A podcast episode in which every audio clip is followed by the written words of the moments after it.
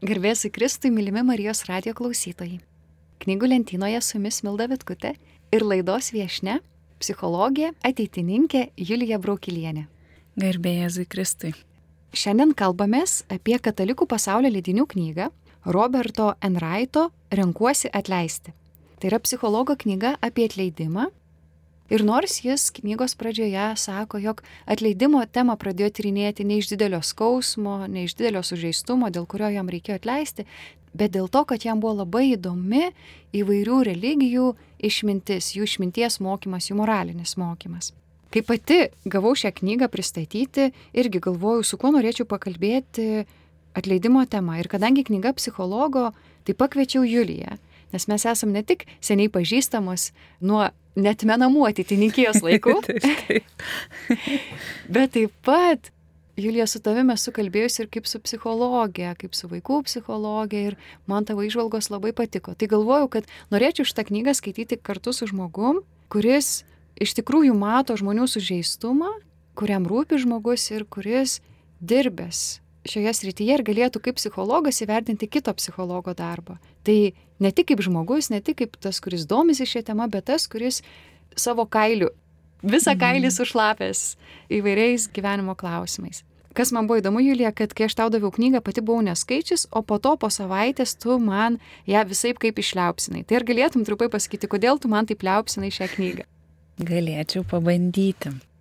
Šiaip mane šiek tiek nustebino kad tai yra knyga iš tikrųjų tokia labai giliai psichologinė, tyrinėjanti būtent atleidimą. Tikrai atleidimo tema nėra tokia dažna psichologijoje ir man net buvo toks kažkoks toks sutrikimas, Bet kodėl taip nėra?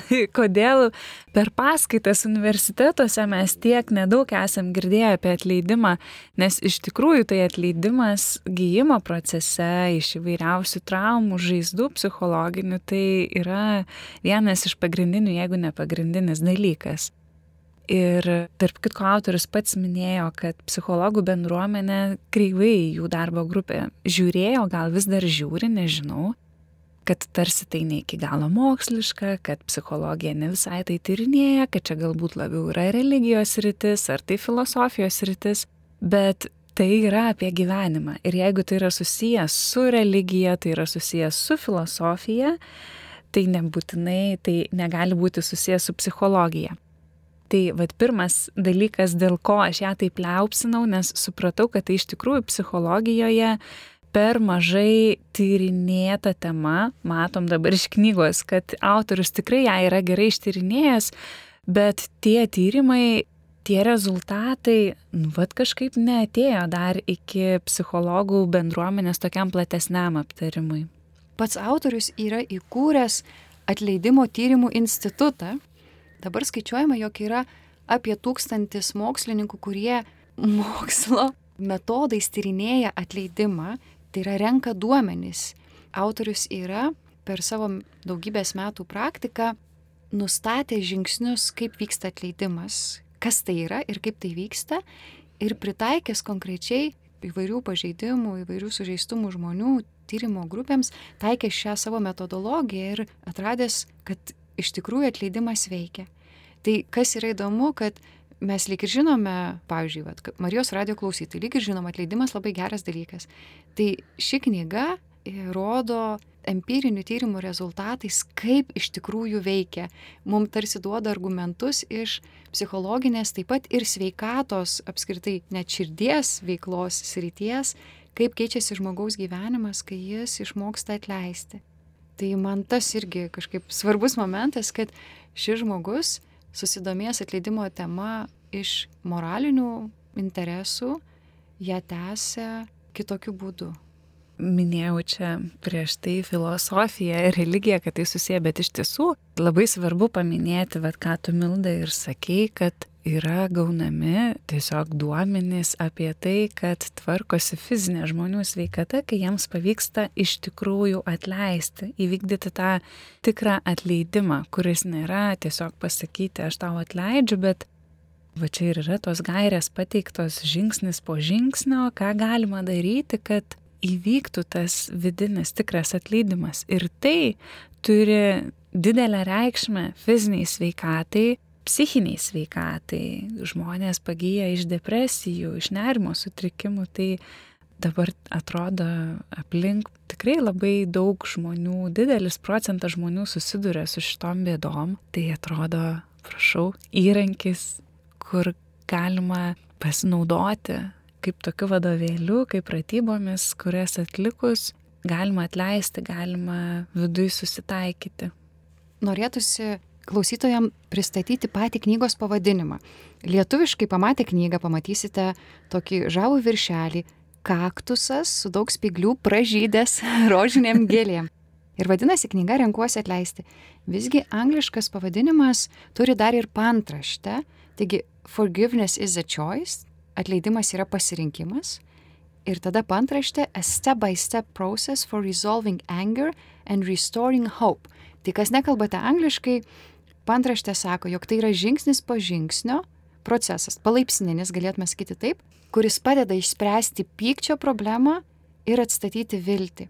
Tai ši knyga yra, kaip tu minėjai, Julija, vadovėlis, nes ji prasideda nuo prašymo apskritai kas yra šis autorius, kaip jisai pradėjo tyrimus apie atleidimą, pasakoja apie savo tyrimų grupės istoriją, tada pristato įvairius atvejus konkrečių žmonių, kaip jiem pavyko išspręsti didžiulius skaudulius gyvenime ir atstatyti gyvenimą, grįžti į, gyvenimo vėžės ir funkcionuoti kaip sveika, mylinčiam, gebančiam mėgsti santykių žmogų.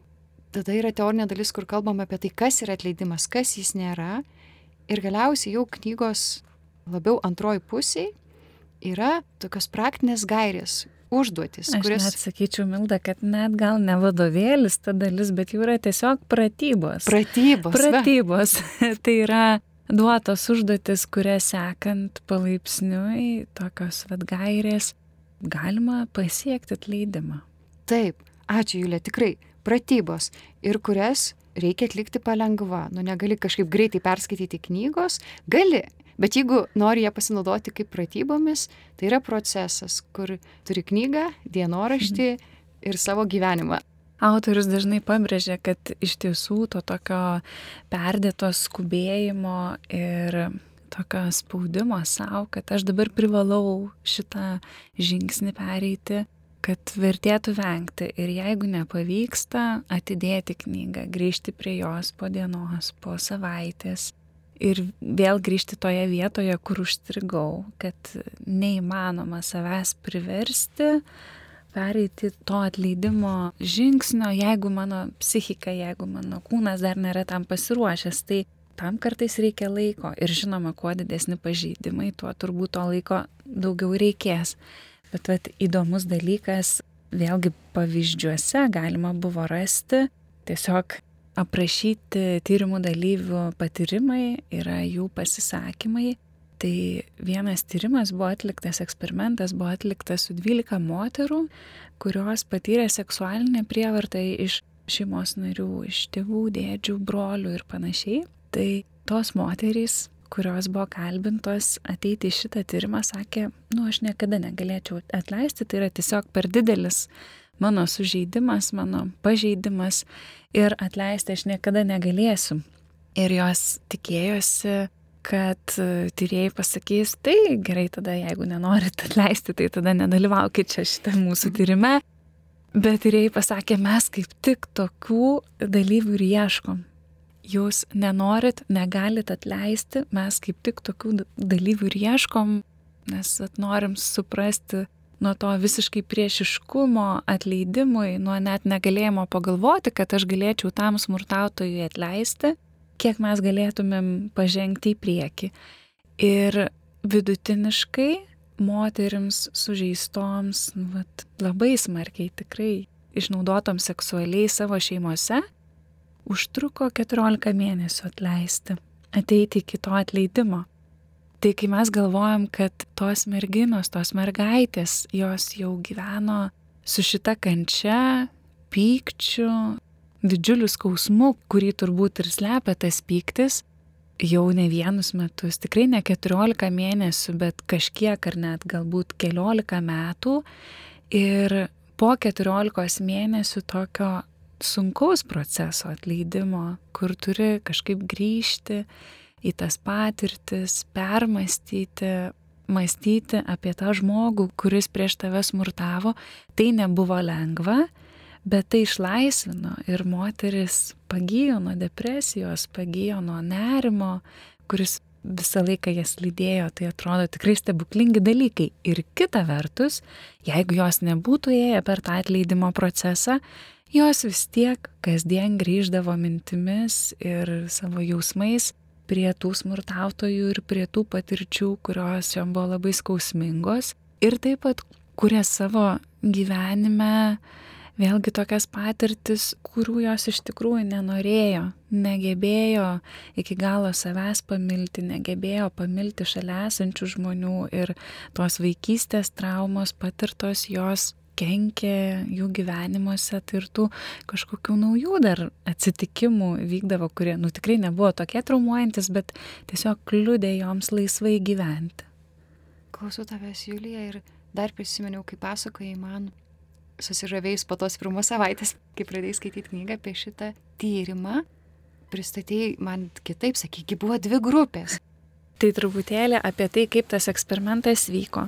Buvo surastos tos 12 moterų, kurios visos buvo išnaudotos seksualiai savo artimoje aplinkoje, kraujo ryšiais susietų žmonių.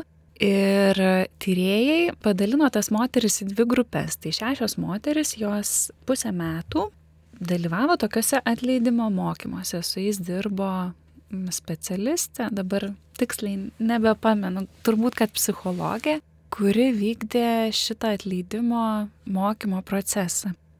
Ir jos jame dalyvavo ir po pusės metų tyrė jų sveikatos būseną. Tai kaip joms sekėsi funkcionuoti tiek fiziškai, tiek kokia jų yra psichinė būsena ir ištyrė tų šešių moterų, kurios dalyvavo programoje ir kurios nedalyvavo ir pamatė, kad yra drastiški skirtumai jau po pusės metų tų moterų, kurios praėjo tuos mokymus. Tada tyrėjai tas likusias šešias moteris taip pat e, pakvietė dalyvauti atleidimo proceso mokymuose irgi pusę metų ir tada vėl jas ištyrė ir pamatė, kad po to pusmečio jų irgi sveikatos būklė drastiškai pagerėjo.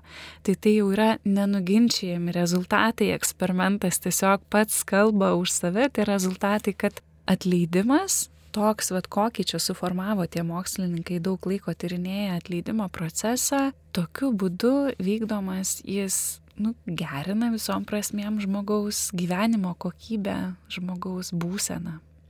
Šioje laidoje mes labai daug vartojam žodį atleidimas. Julija, tai kas yra atleidimas? Skaitant knygą, kokios tau mhm. mintys užsifiksavo, kokie akcentai susidėjo? Pirmas ir turbūt pagrindinis akcentas tai, kad svarbu suvokti, kas yra atleidimas ir kas nėra atleidimas, netgi yra skyrius tam atskirai skirtas. Ir autorius pamini, kad labai labai svarbu tiesiog žmogui prieš pradedant atleisti, prieš einant šitas pratybas, suvokti, kas vyksta atleidimo metu ir kas neįvyksta, kas neprivalo įvykti. Ir dažnai mūsų tokie iš ankstiniai įsivaizdavimai apie atleidimą gali mūsų sustabdyti. Ir turbūt, vad klausant apie prievartą patyrusias moteris, kurios sugebėjo atleisti, tai gali net odą širpti, tai kaip jos čia galėjo atleisti, neįmanoma. Tai turbūt e, turint tą aišku apibrėžimą atleidimo, gali pasirodyti, kad, nu tai vis tik tai yra realu. Tai pagrindiniai dalykai, kurie man užsifiksavo, skaitant apie atleidimą, kad e, atleisti tai nereiškia paneigti, kad tai, kas įvyko, buvo skriauda. Atvirkščiai, jeigu mes atleidžiame, tai pradžioje eina pripažinimas, kad aš buvau nuskriaustas, kad su manimi buvo neteisingai pasielgta. Nes jeigu to nebuvo, tai aš net neturiu už ką atleisti.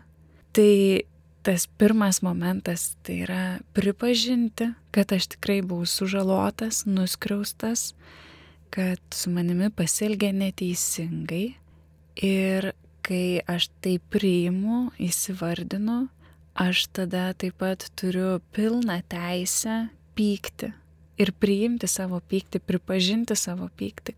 Nes pyktis tai yra tokia emocija, kuri kyla patyrus neteisybę. Kažkas įvyko ne taip, kaip turėjo įvykti. Ir tas pykčio pripažinimas taip pat yra labai labai svarbus žingsnis. Tai pirmiausia, pripažinti neteisybę, pykti dėl to. Ir tada, kai aš priimu tai, aš jaučiu skausmą, aš tampu pažeidžiamas žmogus. Nes netgi būna tokie vad gynybos mechanizmai, apsisaugojimo mechanizmai, kai aš nepripažįstu, kad su manimi įvyko kažkas neteisingo, bandau kažkaip to išvengti, nesusidurti su šita tema, nesusidurti su tuo asmeniu, kuris mane įskaudino, kad man nereikėtų pripažinti, jog man skauda. O būtent tas prieimimas fakto, kad aš buvau nuskriausta, kad aš esu pikta ir kad man skauda, atidaro vartus atleidimui. Ir atleidimas nėra to paneigimas, bet kaip tik tai yra toks įsisamoninimas šitų dalykų. Norėčiau papildyti, kad nereikia skubėti su atleidimu, nes reikia labai žinoti, už ką atleidi. Labai labai gerai įsivardinti. Ir kartais iš pradžių gal tik jauti pykti, bet nesupranti dėl ko. Arba jauti skausmą, bet negali įsivardinti, kas įvyko. Ir yra ilgas labai procesas, kol išaiškėja, kas įvyko. Tai gal čia norėčiau tik tai padrasinti žmonių, kurie klauso ir galvoja, kad, nu tai aš jau kiek kartų atleidau ir tą atleidau, ir aną, ir trečią, ir kitą. Bet jeigu liko pyktis ir neramumas, gali būti, kad ne už tą dar atleidot, arba ne dėl to skaudot, atleidot net galbūt už dalykus, už kuriuos tas žmogus nėra kaltas. Galbūt atleidote kažką arba prisėmėte atsakomybę už kito žmogaus veiksmus ir jam atleidote kažkokius mažmažius, o kitur, kur jūs nuskriaudė, laikote jį nekaltu, nes čia va jūsų atsakomybės riba. Tai gal man irgi toks atėjo supratimas, skaitant šią knygą, kad labai labai svarbu įsivardinti, kur buvo skriauda ir to neišeina padaryti greitai. Šitie dalykai pamažu kažkaip po įvykio ateina ir, kaip sakė Julija, skaudu pripažinti, kad čia taip man nutiko, kad aš čia toks silpnas, kaip aš čia nepamačiau. Ir tai yra ilgas procesas norisi nuraminti, kad jeigu klausot laidos ir galvojat, man reikėtų atleisti, bet oi, man čia per greitai, per skauda, tai šita knyga padės turbūt kaip tik neužskubėti, kaip tik neperspausti savęs. Dar yra svarbus momentas, kad kartais mes turime tikrai už daug dalykų, kuriuos galėtume atleisti. Kartais būna žmonių patyrusių įvairių skriaudų iš to paties žmogaus, iš skirtingų žmonių arba daug skriaudų iš daug žmonių. Tai šitoje knygoje irgi kalbama, kad tokio universalaus atleidimo, kad dabar aš atleidžiu visiems už viską, nėra. Atleidimas yra labai konkretus. Konkrečiam žmogui už konkrečius veiksmus. Ir kartais tenka pereiti daug atleidimų procesų skirtingiam žmonėm. Taip pat būna, kad atleidus žmogui už vieną skriaudą, mūsų psichika sustiprėja, mes pasiruošiam ir tada mes suprantam, kad mes esam ir kažkokias dar kitas skriaudas patyrę, kurių mes anksčiau bijodavom pripažinti kurios nuo mūsų pačių būdavo paslėptos, mes taip neleisdavom savo jų priimti ir tada tas procesas gali vėl būti kartojamas iš naujo ir tam pačiam žmogui atleisti, bet būtent dėl tų dalykų, kurių aš net pati anksčiau nesuvokiau. Tai atleidimas jis toks tam tikra prasme yra baigtinis, bet mes gyvendami, mes esam netobuli ir aplink mus gyvenantys žmonės yra netobuli ir tas atleidimas, jis nu, toks galėtų būti mus lydintis procesas, kuris, jeigu mes laiku užgrėbėm, tai nereikia 14 mėnesių, kad atleistume, gali užtekti ir pusvalandžio, gali užtekti ir valandos, kad kažkokią šiandien įvykusią skriaudą aš atleiščiau. Iš tikrųjų atleiščiau, ne tik tai pasakyčiau, kad aš tau atleidžiu, paskui priekaištaučiau, bet iš tikrųjų atleisti ir paleisti. Tai tiesiog tikrai yra daugybė visokių aplinkybių, kurios išlenda ir kviečia mus į atleidimą. Jūs klausote laidos knygų lentynoje, su jumis bendrauja Milda Vitkutė ir laidos viešne, psichologė Julija Praukilienė, kalbamės apie katalikų pasaulio leidinių knygą Roberto N. Raito Renkuosi atleisti. Prieš tai kalbėjom, kas yra atleidimas, kas nėra atleidimas, kaip tai atrodo, kiek tai laiko trunka. Man norėtųsi daugiau pratesti šį klausimą ir galvoju, koks aspektas gal, pavyzdžiui, man pačiai labiausiai kalba. Knygoje prašoma taip pat, kaip atrodo atleidimas, bet kaip jau jaučiasi, kai tu atleidi, kokios tavo mintis, kokie tavo veiksmai kito žmogaus atžvilgių. Ir atrodo, o, tai va, čia turėtų būti galutinis rezultatas, aš jį turėčiau matyti kaip šviesą tunelio gale, link kurios einu. Bet iš tikrųjų, reikia žinoti, koks rezultatas, bet man taip norisi kažkaip normalizuoti mūsų tokį sunkumą, kuris gali ateiti klausant apie atleidimą, kad bet tai čia tik pabaigoje bus toks palengvėjimas, o visas procesas yra gana sudėtingas procesas. Tai skriaudos įsivardinimas, pripažinimas ir laiko paskirimas apmąstymui, tai paima jėgų. Ir jeigu, pavyzdžiui, gyveni kažkokiam sunkiom aplinkybėm gyvenimo, kažkaip daug dalykų sukrito ir tada dar, va čia užsiemi atleidimo proceso kažkaip įgyvendimu savo gyvenime ir atrodo, oi, tai aš taip pavargau, čia tiek daug žingsnių reikia atlikti ir tą apmastyti ir aną apmastyti ir aš neturiu, jeigu jaučiu nuolat nuovargį. Tai galvoju, kad gal reikia šito vietoj pasakyti, kad tai čia nu, normalu, kad šitas darbas su savim, jis paima jėgų ir čia yra rimta veikla. Negalvoti, kad, ai, nu tai čia šonė dar ir vat atleisiu kam nors. Jeigu yra labai didelė skriauda, reikia suprasti, kad tam reikės paskirti laiko atidėti dalį gyvenimo, kad čia bus resursus įkvojanti veikla ir viskas su tuo labai gerai. Tai galvoju vienas dalykas.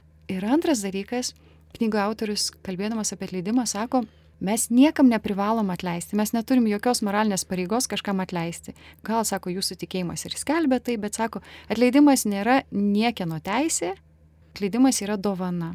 Ir man tas labai įstrigo, kad tai yra dovana ir šitas procesas atleidimo jausis, kad aš tą dovaną netiduodu lengvai. Gal jeigu nuoskauda maža, arba aš jau daug kartų prieš tai atleidau, kažkaip išmokau matyti visą žmogų, ne tik tai per savo skausmą, kurį aš patiriu. Tai gal kažkurio metu tai bus lengvas procesas. Nu, jis nereikalaus kažkaip didelių pasangų, bet turbūt, kad jeigu bus labai didelis sužeidimas iš kito žmogaus, tai šita dovana jausis kaip mano gyvenimo resursų stipriai pareikalavusi dovana kitam, kad iš tikrųjų jausis, kad aš čia atidaviau dovaną. Ir kad su to viskas gerai. Tai gal tik tai norėjau pasakyti, nes aš galvoju, taip lengva kalbėti apie atleidimą, bet jeigu klauso žmogus, kuris iš tikrųjų kažkaip labai stipriai buvo nuskriaustas ir turbūt vargsta dabar su pačia skriauda, su visų gyvenimu, kuris vyksta po jos, Ir tada atrodo, dar čia kažko imtis, jau man ir taip nėra jėgų. Dar čia kažko imtis. Šioje knygoje yra pateikta nemažai pavyzdžių žmonių, kurie dalyvavo šitame atleidimo procese, dalyvavo šitose mokslininkų darbuose ir jie sutiko pasidalinti savo patirtimis ir savo pastebėjimais apie visą šitą procesą. Tai mes jau vieną pavyzdį aptarėm, kuris toks, nu tikrai atrodo sudrebinantis, bet tų pavyzdžių buvo labai įvairių. Ir Dabar klausydama Milda tavęs, aš noriu taip atliepti ir prisiminti vieną pavyzdį vyro, mokytojo, kuris dirbo mokykloje. Jis tikėjosi, laukė paaukštinimo, tarsi jau buvo sutartas su mokyklos direktoriumi, kad jis jį gaus ir galiausiai jis jo negavo. Ir tas vyras ėjo per atleidimo procesą savo direktoriui, savo vadovui. Ir atrodytų, nu, čia tokia darbo situacija, tai kas čia tokio, čia kažkaip vat, visokių situacijų tų būna, čia galima išgyventi. Tai tas vyras nebuvo taip, kad ten nešiojasi nuo vaikystės, nuo kūdikystės kažkokia žaizdas, tai gal buvo kelių metų trukusi tokia vat pykčio tirada, pykčio tas laikas, skausmo laikas nes jam tikrai nuoširdžiai buvo skaudu ir sunku, jis buvo ten įdėjęs daug pastangų ir kaip ir buvo sutarta, jis link to ėjo, nu, bet galiausiai taip neįvyko.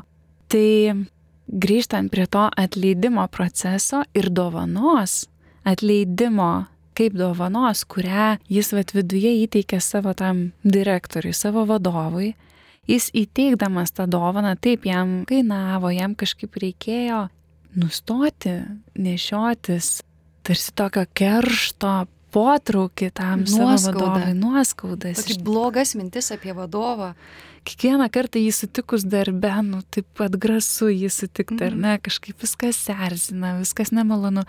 Tai jis sutiko pirmiausia, bet irgi yra toks vienas iš pirmų žingsnelių, tai nebekerštauti. Nustoti kerštauti. Ir tas kerštavimas, jisai būna ten skirtingų lygmenių, bet pavyzdžiui, tiesiog nieko blogo apie tą žmogų nesakyti. Aš dar jam net leidau, bet aš dabar pasirenku apie tą žmogų nieko blogo nebesakyti. Tai tai, kad jisai padovanojo tą dovaną direktoriui, jisai kartu padovanojo dovaną savo žmonai ir vaikam.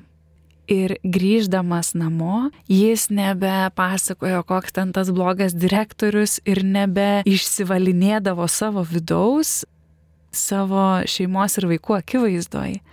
Jis dovanodamas tą dovaną tam skriaudėjui, direktoriui, jisai apdovanojo ir savo šeimą ir kartu save.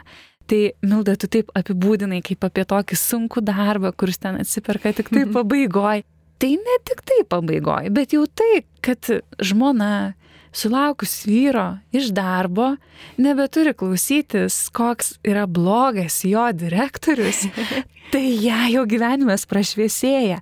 Ir tam vyrui, tam vyrui, kuris atleido mokytojui, taip pat šitoj vietoje jau pasidaro lengviau. Tai tie žingsneliai jie yra tokie nedideli. Jos skausminga kartais yra priimti, tikrai kartais nebūna lengva pasiryšti, kad, nu viskas, dabar jokių apkalbų, jokių, jokių pastebėjimų to žmogaus trūkumų, nes tai yra saldu, kerštauti yra saldu, yra kažkoks toks tarsi irgi mano stiprybės parodimas, tam tikrą prasme mes, kai tai matom. Ir sutikti atsisakyti šito dalyko nėra lengva, bet tai išlaisvina ir tai palengvina. Tai iš tiesų tai bus sunkus procesas, toks rimtas darbas, bet kartu jauties kiekvienu žingsniu jis lengvėja. Taip pat čia prašytų situacijų irgi buvo paminėta apie skausmo prieimimą, kad priimti skausmą tai tikrai nėra labai malonu, tai yra sunku, vargina. Ir viena moteris irgi aprašė šitą dalyką, sako, aš buvau tarsi kempinė, kuris sutiko sugerti visą skausmą į save. Visą tą skausmą, kurio aš stengdavusi nematyti, kurio stengdavusi kažkaip prieš jį užsimerkti, aš tiesiog sutikau tą visą skausmą priimti. Ir tai padariusi, sako, aš verkiau tris dienas, o tada nustojau verkti tiesiog, vad, šiaip savo kas mhm. būdavo jai būdinga. Jis būdavo, nu, vat, gyvena, gyvena ir staiga ten dėl kažkokios smulkmenos apsiverkė. Ir tai buvo jos visas gyvenimas iki tol. Ir prieimusi visą skausmą, jinai paverkė tas tris dienas. Išverkė, išgėdėjo, išliūdėjo, bet tai ją išlaisvino nuo tolimesnių tokių, nu, atverkimo priepolių. Tai nėra lengva, bet tai yra įmanoma. Ir dar kas yra žavinga, kad dažnai ypatingai tokie dideli, sunkus pažeidimai, jie keliauja kartai iš kartos. Ir koks nors nemylintys seneliai užaugina nemylinčius tėvus, kurie užaugina nemylinčius vaikus. Ir atrodo, kas yra, kad kažkas iš kartos į kartą vis atsikartoja. Ar, pavyzdžiui, koks nors tolimas santykis su mama. Arba neištikimybės šeimoje arba kažkokia tokia irgi paslaptis, kažkokie nesusikalbėjimai tarpusavyje. Tai jeigu mes nesugebam prisijimti to skausmo, kuris iki mūsų atkeliavo, irgi galbūt karta iš kartos, gal aš jau esu trečios, gal penktos kartos, kenčiantis žmogus šitas negandas, jeigu aš nesutiksiu tų negandų galiausiai prisijimti kartu su visu skausmu, su visu pykčiu, tai greičiausiai aš tai perduosiu toliau savo vaikam. Ir čia, kaip kalbė Julija, suskamba mūsų tikėjimo tiesa, kad kančią reikia išnešiot, kad kryžį reikia nešti, kad kai dalykai kažkas gyvenime vyksta ir nu pats nesuvoki, kas vyksta, kartais reikia kančios, kad pats pasikeistum.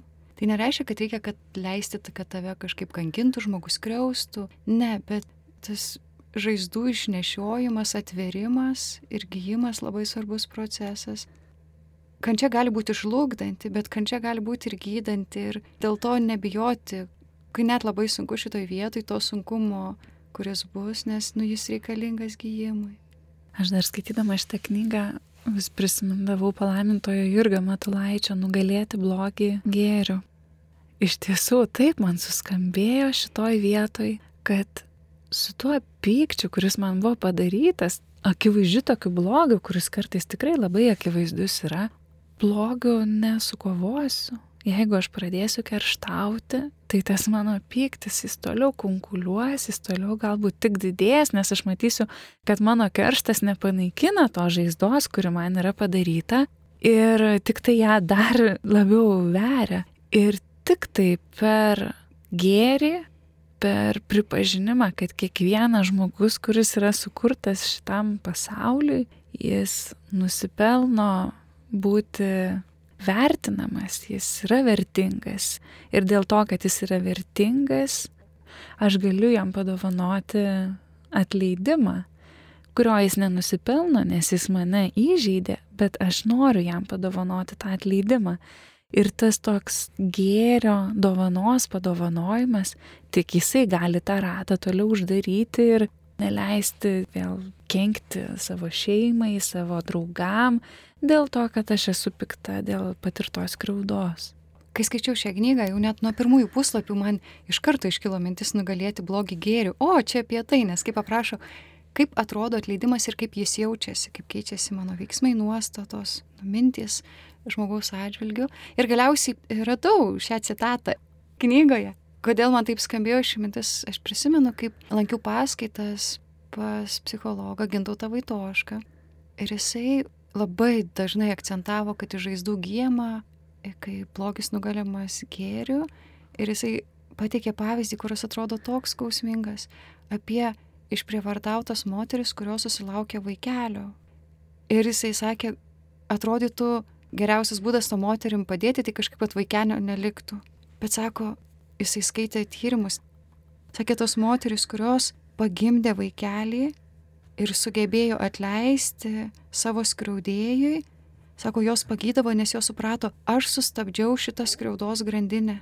Su manim taip netinkamai pasielgė, mane nuskriaudė, bet dabar yra šis vaikelis, bet aš tai jo nenuskriausiu. Ir tai padėdavo jom pagyti, kad manęs nuskriaudė, bet manęs tiek nesužeidė, kad aš pati tapčiau skriaudėjų.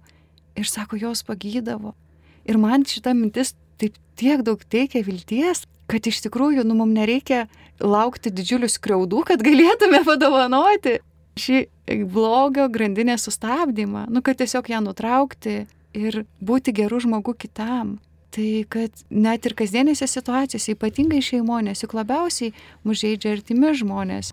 Gatvės praeivis užmetęs kažkokią piktą mintį, tai jis kažkaip nereikia jam atleisti, net neskauda, bet šeimoje tarp artimų žmonių tai labai svarbu. Vienas iš autoriaus aprašytų irgi tokių žingsnelių, kuriuos kviečia žengti, norinčius atleisti. Vienas iš paskutinių žingsnelių yra būtent pasižiūrėjimas, kokią prasme man šita kančia suteikė.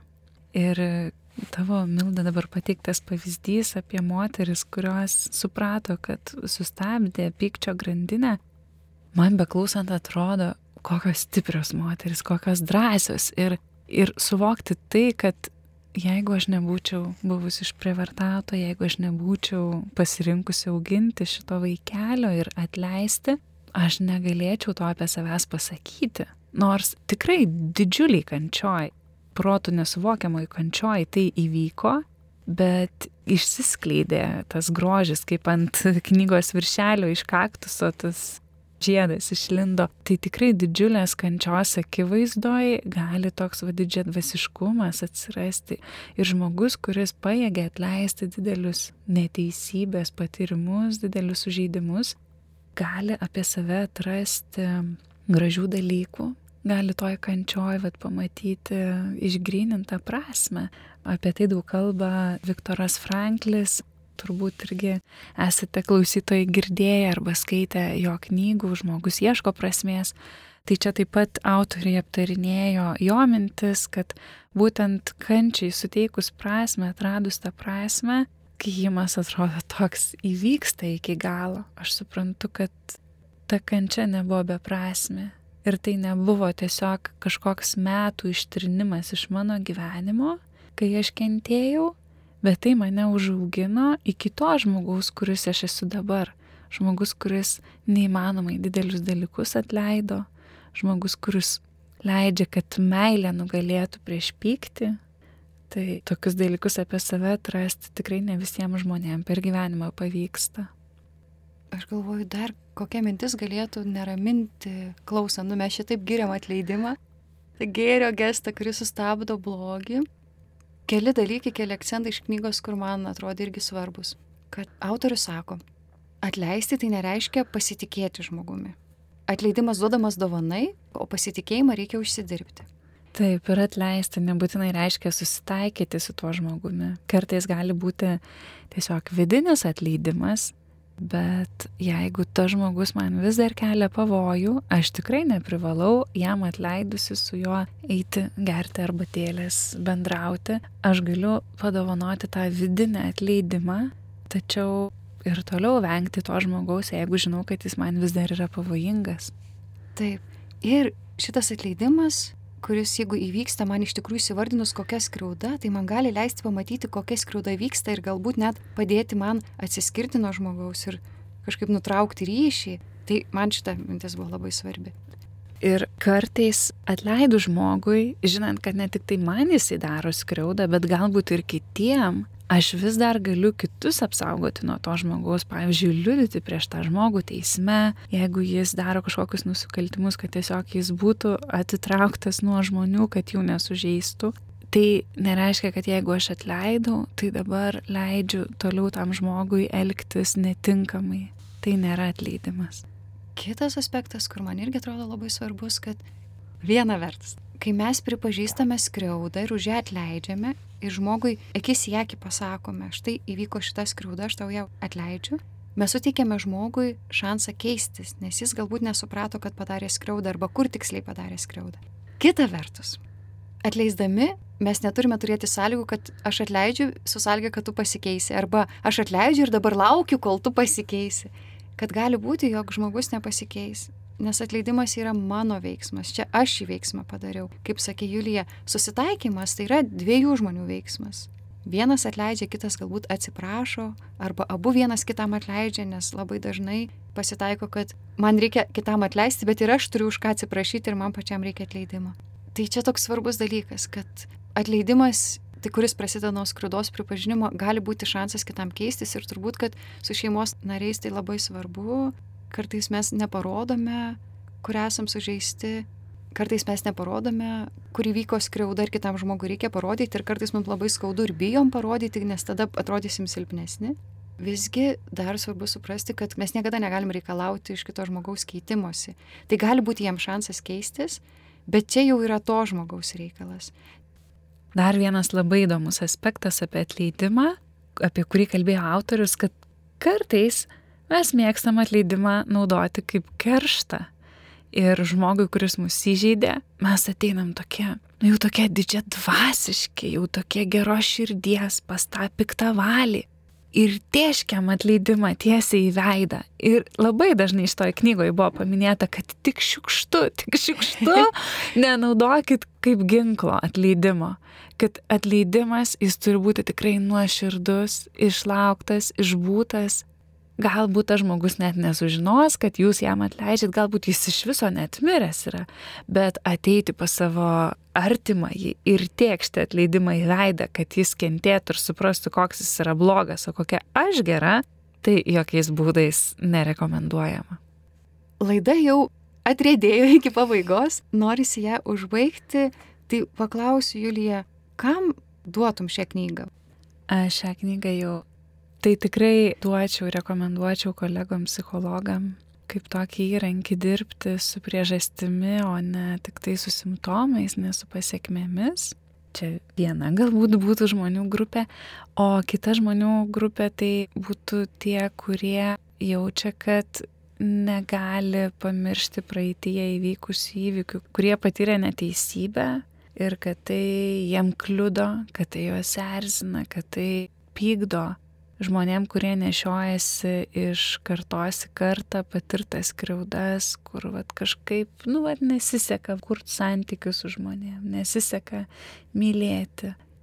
tiem, kurie vat, galvoja, kad aš tikrai neatleisiu, kurie kenčia dėl to, tai turbūt jiem labiausiai reikėtų šitą knygą paskaityti iš lėto, ramiai, nespaudžiant, bet tikiu, kad tas rezultatas gali būti labai didelis. Ta rodo vat, šitų mokslininkų pateikti duomenys.